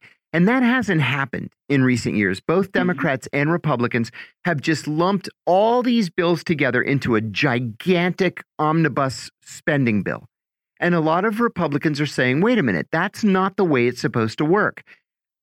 On the House side, we're supposed to vote on these bills individually and then work out differences with the Senate in conference committee. So, do you see this as one of the issues that is dividing Republicans within the caucus? That that perhaps if there's somebody who might otherwise not be the perfect candidate for the for the Freedom Caucus, if they at least promise not to support an omnibus spending bill, that maybe they can bring those Freedom Caucus malcontents over to the mainstream again, at least in a vote for Speaker? Well, you know, sometimes uh, differences in substance appear as differences in procedure. You're talking about difference in procedure. And back in the old days, uh, in my day, so to speak, yes, the House would pass the requisite number of uh, funding bills, and then it was the Senate, of course, that couldn't get its act together. That's right. And then we ended up with an omnibus, and then the House had to accept that that, that was the only approach that was going to get a bill through, and that's the way things ended up being funded. I, I'm not sure that's the case anymore. In other words, I, I think there are so many fundamental differences between, again, the majority of Republicans who, frankly, are not that all that different in their priorities from the most of the Democrats. I say that all the time. Minority Republicans, yeah. yeah. So I, th- I think we're in a different era now. I don't think we can go back to that anytime soon. And so the new speaker, he can he can promise on a stack of bishops all he wants that they're going to go back to the regular order, so to speak. I don't think he can make it happen. Right. As you note, uh, the Freedom Caucus is clearly a small minority within the Republican caucus, but it wields outsized authority thanks to the deal that Matt Gaetz struck with Kevin McCarthy almost a year ago. That allows one single member to call a motion to vacate.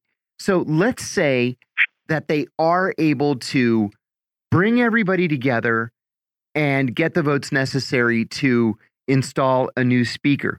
They still have that deal with Gaetz hanging over all their heads. So, what do you think it would take for a speaker to be elected and to be actually able to carry out his duties as a speaker?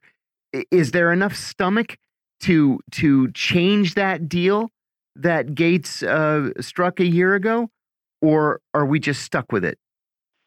I, I honestly, I, I think we're sort of stuck with it, and frankly, um, I, I don't think it's such a bad thing. I mean, like I say, I don't like the idea that there's this broad consensus in both parties, which, by the way, includes things like funding for you, unlimited funding for Ukraine, unlimited right. funding for Israel, right. whatever the war party wants, the war party gets. You know, the welfare warfare state. And uh, frankly, uh, I, I don't think the system as such can be saved. So the idea we could go back to, oh, thank God we're back to normal, we can pass the bills on time, and I, I don't think that's necessarily a good thing, John. Yeah. Turning to the current debate over content moderation, uh, Jim, we've seen it in the Ukraine Russia conflict. We've seen it relative to China and Venezuela. We're now seeing it in relation to the war in Gaza. On Friday, the Supreme Court granted a request from the Biden administration to temporarily block a lower court's order that would limit the ability of government officials to communicate with social media companies about their content moderation policies. So, the Supreme Court is allowing, at least temporarily, uh, continued censorship on social media platforms. The Biden administration argues that it is only seeking to battle what it calls online disinformation. So, first, is it even possible to combat disinformation? And second, is it, even if it is possible, is it constitutional? Because after all, who decides what disinformation is? Well, exactly. I mean, one man's disinformation is another man's conspiracy theory, is another man's spoiler alert, especially when it turns out to be true, even though somebody else called it disinformation. Uh, and you and you're right in, in focusing on some of these wars that are going on. You're going to let you're going to let the government decide what's disinformation about what's really happening in uh, in, in Gaza, what's really happening in Ukraine and that's you know, and and the idea that this can be vindicated in court. Uh, I I just caught the tail end of your discussion with the, the previous guests, how much faith do you have that we still have anything like a constitutional system right. and a rule of law? We right. got finished talking about dysfunction in the uh, legislative branch. Let's talk about dysfunction in the judicial branch, and let's please not even bother to talk about the executive branch. So uh, the idea that that that the constitutional principles are going to be vindicated in uh, in a court case, you know, I'd love to see if it happens. I'm not holding my breath. Yeah, I hate to say it, but I, I agree with you. Time was where, for the most part, we could trust that that cooler heads would prevail, you know, in the in the federal court system, whether it was at the district level, the the circuit court of appeals level, or even the Supreme Court. And I think that we can't really we can't really do that anymore. You know? No. It's like no, we just have to so. sit back and hope for the best. And as they say in in business school, hope is not a strategy. So a group of Republican senators on Friday, Jim, wrote a letter to Meta, Google, TikTok, and X, which is the new name for Twitter, asking that they, quote, preserve all evidence of Hamas atrocities in Israel, unquote. The letter says, quote, ordinarily, policies limited uh, the distribution of disturbing content. Uh, let me rephrase that. Ordinarily, policies limiting the distribution of disturbing content might make sense but videos and images uploaded by soldiers, law enforcement, citizens, journalists, and those with real time access to acts of terrorism need to be preserved to aid in prosecuting war crimes, intelligence gathering, media reporting, and the historical record. Unquote. That seems incredibly biased to me. So, first, is it the duty of social media platforms to document these things? And second, if the answer is yes, why would they not document crimes from all sides? In the last hour, we were talking about this this horrific bombing of of Saint Porphyrios Church, the oldest continuously acting Greek Orthodox church in the world, more than 1500 years old, where 14 people were killed on Friday, all of whom were women and children. Well, let's see. An Orthodox church get, gets bombed in Gaza. They're considering banning the canonical Orthodox Church in Ukraine. Mm -hmm. John, somehow I think people are out to get us. I, I, I, I feel the same way. I need to wear my my free Constantinople T-shirt again tomorrow. Yeah, exactly. So I, you know, in a way, this is sort of the flip side of the censorship. You know, rather than saying, on the one hand, uh, that you know, when, when the government's stepping in and essentially trying to censor information that they consider disinformation, on the other hand, here we're now having a demand from the government saying, "Hey, let's have more atrocity porn." That plays into our chosen narrative. Yeah. So it's like the positive side of censoring the information we don't like. And I and I think either one is just as reprehensible. Uh, you know, uh, uh, you know, we, you know, if you listen, of course, to the cutout cardboard uh, facsimile of Joe Biden the other night about his his axis of evil speech. You know, how Hamas, Putin, Putin, Hamas. Uh, what they're really saying in this letter is saying, let's have more atrocity porn to demonize the side we want to demonize in this conflict and to justify not only spending oodles of money, but looks like very, very likely getting us into a real shooting war in the Middle East. And I don't mean when I say us, I don't mean the Israelis, a proxy in the same way Ukraine is. I mean the United States. Oh, I couldn't agree with you more. That's why I'm so deeply disturbed that we keep sending carrier battle groups to the region. You know, at first there was one, and it was going to steam from the Western Mediterranean to the Eastern. Okay, you expect that. But then there was a second that's going to be in uh, in or off the coast of Crete, for example. And then we have 2,000 uh, Marines as part of this amphibious uh, strike force. Okay, now I'm starting to get nervous. And then the, over the weekend, we're sending a third carrier battle group to the Persian Gulf, apparently uh, to frighten the Iranians into not getting involved. So all of a sudden, this is getting a little frightening where there's a real possibility that we could be dragged into it. We, meaning U.S. boots on the ground Uh, it's it's a fear that is getting worse for me almost every day. Well, in fact, I saw a report, and I can't confirm it, that there are already some U.S. Special Forces on the ground with the Israelis making their initial foray into Gaza. And I don't know if that's true or not. But if wow. it is, uh, that's, that's highly disturbing. And what, of course, what you said about the carriers, hey, this is this is not three decades ago. These things are targets. Oh yeah. And uh, and and and I, am afraid Hezbollah, the Iranians, and the others, if if we do try to you know sh- show a little gunboat diplomacy and hit them with some cruise missiles, they're going to shoot it back, and those carriers may not fare very well. You are absolutely right.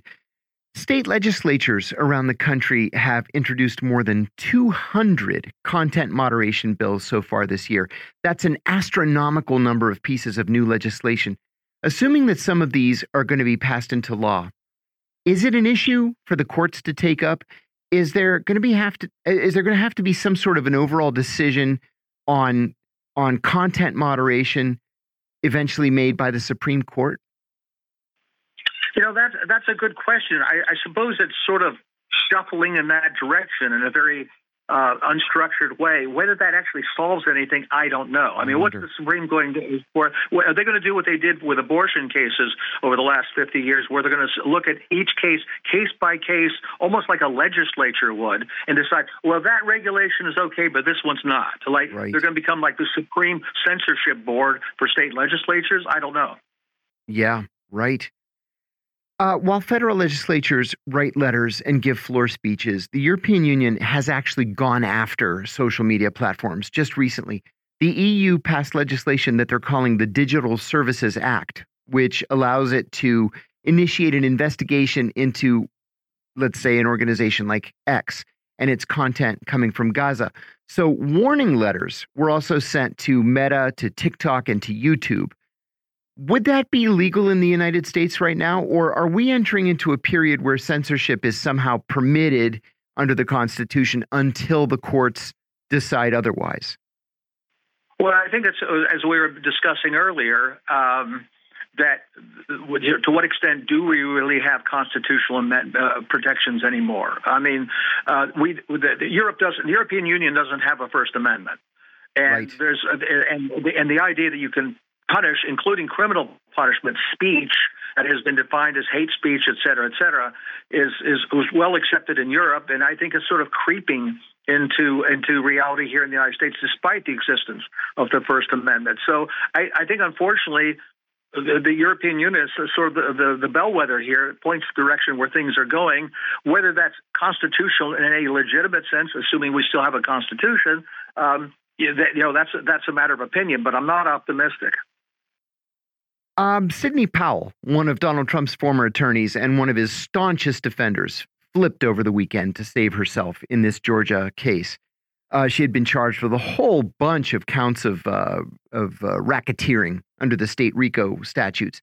Ken Chesebro, another Trump attorney and also a true believer, also flipped after agreeing to plead to five misdemeanors and a felony.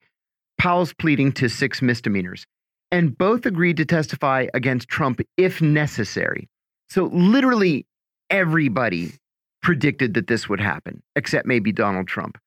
I hear conflicting opinions over how serious the Georgia case is for Trump. Um, I've heard people say that it's on shaky legal ground. I've heard other people say they have Trump dead to rights. What are your thoughts on the case in light of these new developments, in light of the fact that two of the people closest to him in the Georgia portion of this case have now flipped? Well, the fact that something may be on shaky legal or constitutional grounds doesn't mean it's not deadly serious. I oh, mean, you know, I mean, there's this great, great guy named John Kiriakou who wrote this book about how the feds can put the squeeze on somebody, where they basically threaten you with spending the rest of your life in jail, exhausting your your resources, having your marriage break up, God knows what. Yep. If you decide to fight in court, and you're going to be convicted anyway. Yes. So you plead to something, and and it, it means throwing somebody else under the bus. Well, that's that you know that's life sometimes, right? And that's exactly the way they're proceeding in these cases. You're right. Sidney Powell flipped. She's going to say what she needs to say, whether it's true or not, whether it's legal or not. Mm. And, and and as I say, I think all of this is deadly focused on the question how to keep Trump off the ballot in several states. It's as simple as that, in my opinion. I think that's right. In fact, we're seeing real efforts that are actually proceeding, progressing in places like Colorado, New Hampshire, Nevada, and possibly Georgia. And uh, that's that's the race right there. Yeah, if you get him, if you get him convicted on a charge of trying to fix the election or trying to undermine a democratic election, I think that's going to be sufficient in many states. You know, there was a poll that was released. Oh, it was either this morning or over the weekend. No, I, it was on Friday because uh, Michelle and I discussed it briefly, uh, showing that that Trump is beating Biden in every battleground state except Nevada. Now, it's close in every one of these states. Uh, it was Mm-hmm. outside the margin of error in Georgia, however, where Trump um, leads Biden by five percentage points. And so I, I think you're right. I think this is about keeping him off the ballot. Sure, sure, that's that's right. And uh, you know, uh, it, it- you know, as far as far as the, the polling goes, you know, I, I I don't know how to, what what sense to make of that. I'm sure you you're, you're skeptical about this as as I am. But you know, I, I and and there's also the question as we discussed before: Is Biden really going to be the nominee? Yeah, right. And uh, that's, that's a whole other kettle. There, there are a lot of variables here, but I, I, I'm confident in sort of a negative way, I guess, sort of resigned to the fact that they've got the the fixes in in some way, and the question is how to unroll it. That's right. Finally, uh, Jim, I want to ask you about uh, Anthony Albanese's visit. Uh, so, the Australian Prime Minister, Anthony Albanese, is arriving in Washington this evening for talks with President Biden.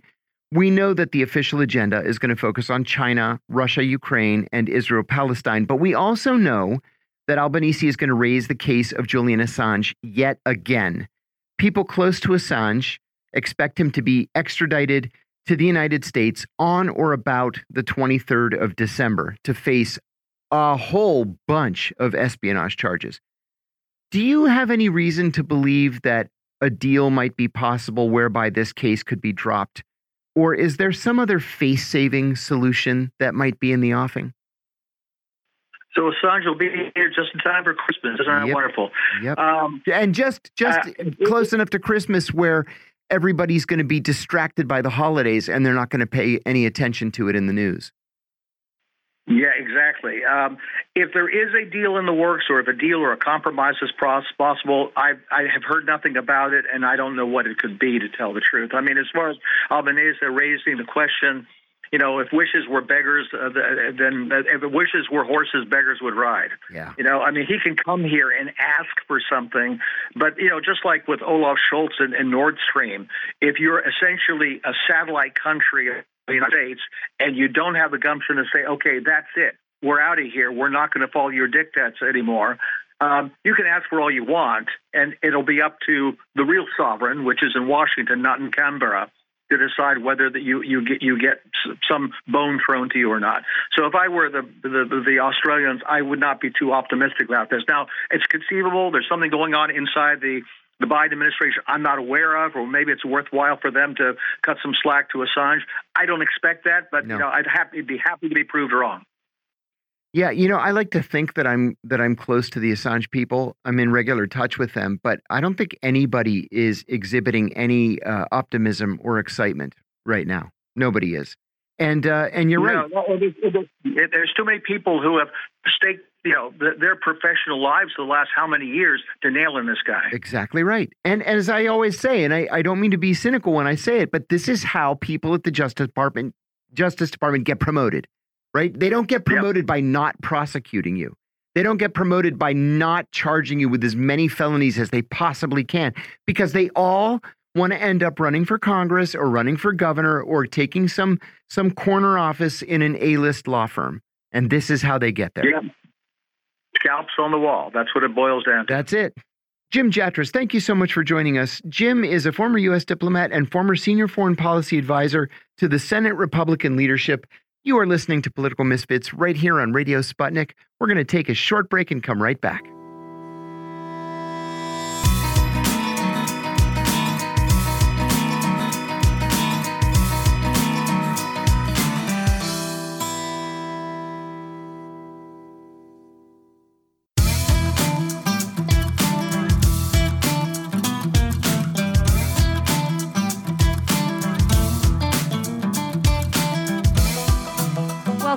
To Political Misfits on Radio Sputnik, where we bring you news, politics, and culture without the red and blue treatment. I'm Michelle Witte. I'm here with John Kiriakou. I had a few other headlines for you, but I was distracted by this one from NPR. Michigan State University apologizes for a Hitler quiz question before a football I read game. that Did over the this? weekend. They blamed a third party company that was supposed to be in charge of of the the quiz just- that was on the stadium. board. They're the, uh, doing a little like board. video trivia thing. Yeah. It's a question about Adolf Hitler's uh, birthplace, but then there's a big picture of him also. Yeah. I can see people feeling a little unsettled Yeah, it's like, about what, what are you doing? We do trivia before football games. I mean, whatever. I And there's like- I no like other trivia just that you have to put that you're going to put. You have to put It Hitler's birthday. just. I mean, it. You know, the, uh, I believe it was a random, a random trivia question. But yeah, maybe think of some other trivia. Uh, like this one, why did the Italian prime minister break up with her long-term Oh, partner? This was actually pretty funny. Do you know the answer to this one, John? I do. Yeah, uh, it was because apparently he was caught on tape propositioning a threesome to a colleague of his. While grabbing his crotch. Or yeah. a threesome or a foursome, he said. oh, interesting. Yes. Yeah. And she's like, "Yeah, you're out of here." Yeah. She she did say it stops. It stops now. The day later, uh, and has said, you know, thanks. We have a. do- I didn't realize she was a. The, the whole like family values candidate never. Yeah. Got Never married the guy. Yeah. I She mean, has kids with him. Smart. I don't know. Definitely. Uh, Listen, as somebody who's been divorced twice, I'm telling you, that's the way to go. Yeah. Yeah. You know what? He looks all right. I've never looked at him before. Apparently, he's very adventuresome too. I've never looked at him before. I mean, not not good enough to put up with any of that nonsense. But yeah, well, Italy, you know, they uh they do keep giving. I'll say. Um, we have some more stories. Uh, you know, we're sort of accumulating things to to follow up on tomorrow, and one is that uh, now thousands more United Auto Workers have walked out at uh, Stellantis. Yeah. So now we have more than forty thousand uh, United Auto Workers on strike. No matter how you count it, that's a massive strike. Yeah, they shut down Stellantis's largest plant uh, just this morning. Uh, you know, the the strike is extending. It is plodding along. I think it's probably worth, um, you know, getting an update tomorrow as to what kind of state any negotiations are in and how big that this could get. I wanted to tell you about a, a story that's coming out of Pittsburgh. Uh, this is the Allegheny County Jail. The Allegheny County Jail is a very, very old jail. It's right smack in the center of downtown. It was built like 150 years ago, and it looks like a grim old Victorian torture center, right? Uh, they've had problems over the years with uh, inadequate medical care. Well, a federal lawsuit was filed last week on behalf of a of a prisoner. Um, what is his name here? It's Taletta, but I don't remember his first name. Anthony Anthony uh, Talata. Okay. Now, this poor guy, severely developmentally disabled, plus suffering from autism, plus anxiety and uncontrolled diabetes. So he's brought into the prison uh, three weeks ago, and he has a boot on, one of these medical boots. Okay. So they take the boot off, and his leg is grotesquely swollen. It's full of pus and it's oozing. And he has torn uh, tendons, torn ligaments, and broken bones in the foot. They take the boot. You can't have that. That's contraband. Okay. So they take it. Okay. Then they say, well, he's sick, but he's also mentally ill. So do we put him in the mental unit or do we put him in the health unit? They put him in the mental unit. What? Well, if, if you're in the mental unit, you don't get the constant health care that you would get in the health unit. Yeah, it would seem like one is- one is an urgent issue, Right. and one is a sort of existing state of being. Yes. You're going to treat that state of being first. Well, he complained to one of the the guards that he was in excruciating pain. Not just his foot, but his whole body. He's in excruciating pain. So he goes to see the doctor. The doctor, um, what we're not supposed to know, what we didn't know until this this lawsuit, the doctor Dr. Wilson Bernalis, had lost his his license to practice medicine in eight states Ah. mhm. before they hired him to be the prison doctor. Mhm. So uh, he um, he started working at the prison last summer, and uh, he examines this this poor guy, Anthony uh, Anthony um, Talata, and he says, "Okay, you're in excruciating pain." And you've got this swollen and infected uh, leg. Here's some Benadryl. Oh, Gives that's what I would do if I was stuck at my house and was having a problem. Yeah. Not if I was, I would expect a doctor to do something. Oh, that's awful. Plus, You- his leg was having an allergic reaction to something. I don't think pus is No. usually an allergic response. Yeah, it's not an right. With pus, it's not an allergic response. Sends him back to his cell. Two hours later, another um, another prisoner finds him unconscious and foaming at the mouth. And then two hours after that, he was dead. Oh, that's awful. So it's just now that that we're learning that this doctor is not actually a doctor. I mean, he was at one time. He was a terrible doctor, and he's had his license suspended in eight states, so he's not allowed to practice medicine. But it reminds me of my own experience in prison, Mhm. where our doctor um, had also lost his uh, his license to practice medicine because he had molested children under his care when he was a pediatrician. Oh, eh, Right. Yeah. So you just make him a prison doctor. yeah. So now this lawsuit has been filed in the Western District of Pennsylvania in federal court. We'll see what comes of it. I, I'll tell you what I hope doesn't happen. I hope that the family doesn't make an out of court settlement because this is one of those things that needs to be public. It needs to be out there. People need to know what happens inside prison. Yeah. I think I'm going to write about it this week. Especially for, you know, people who can't advocate for themselves. You know what I mean? Like, it, it's hard enough to advocate Right. for yourself in prison or even in the hospital, right? If you are capable, right? Mhm. Mentally and physically capable. Right. If you're not, you really need to not be, uh, you know, the system to push you into the hands of of incompetent or criminal people. Absolutely. when I was in prison, there was an Italian, one of the Italian guys who uh, uh, I, I saw one day walking with a cane, and I said, I said, "Hey, Anthony, you okay?" And he said, "Oh man," he said, "My back is killing me. I've never had pain like this before in my life." He went to the medical unit and they gave him Tylenol, which is they give what they give everybody. No Yeah. matter what your complaint is, you get these big 800 milligram Tylenols. The next time I see him, he's got a walker. I said, Anthony, what the heck happened? He said, Man, I can't stand this pain. I can't even stand up straight. This pain is killing me. Mm. So I went to the chaplain. I was working in the chapel at the time. And I said, Chaplain, can you weigh in uh, with the warden's office? I said, This guy's in bad shape and he's getting worse quickly. Mhm. I see the guy again a few days later. He's in a wheelchair. And I said, Man, what, what's going on with you?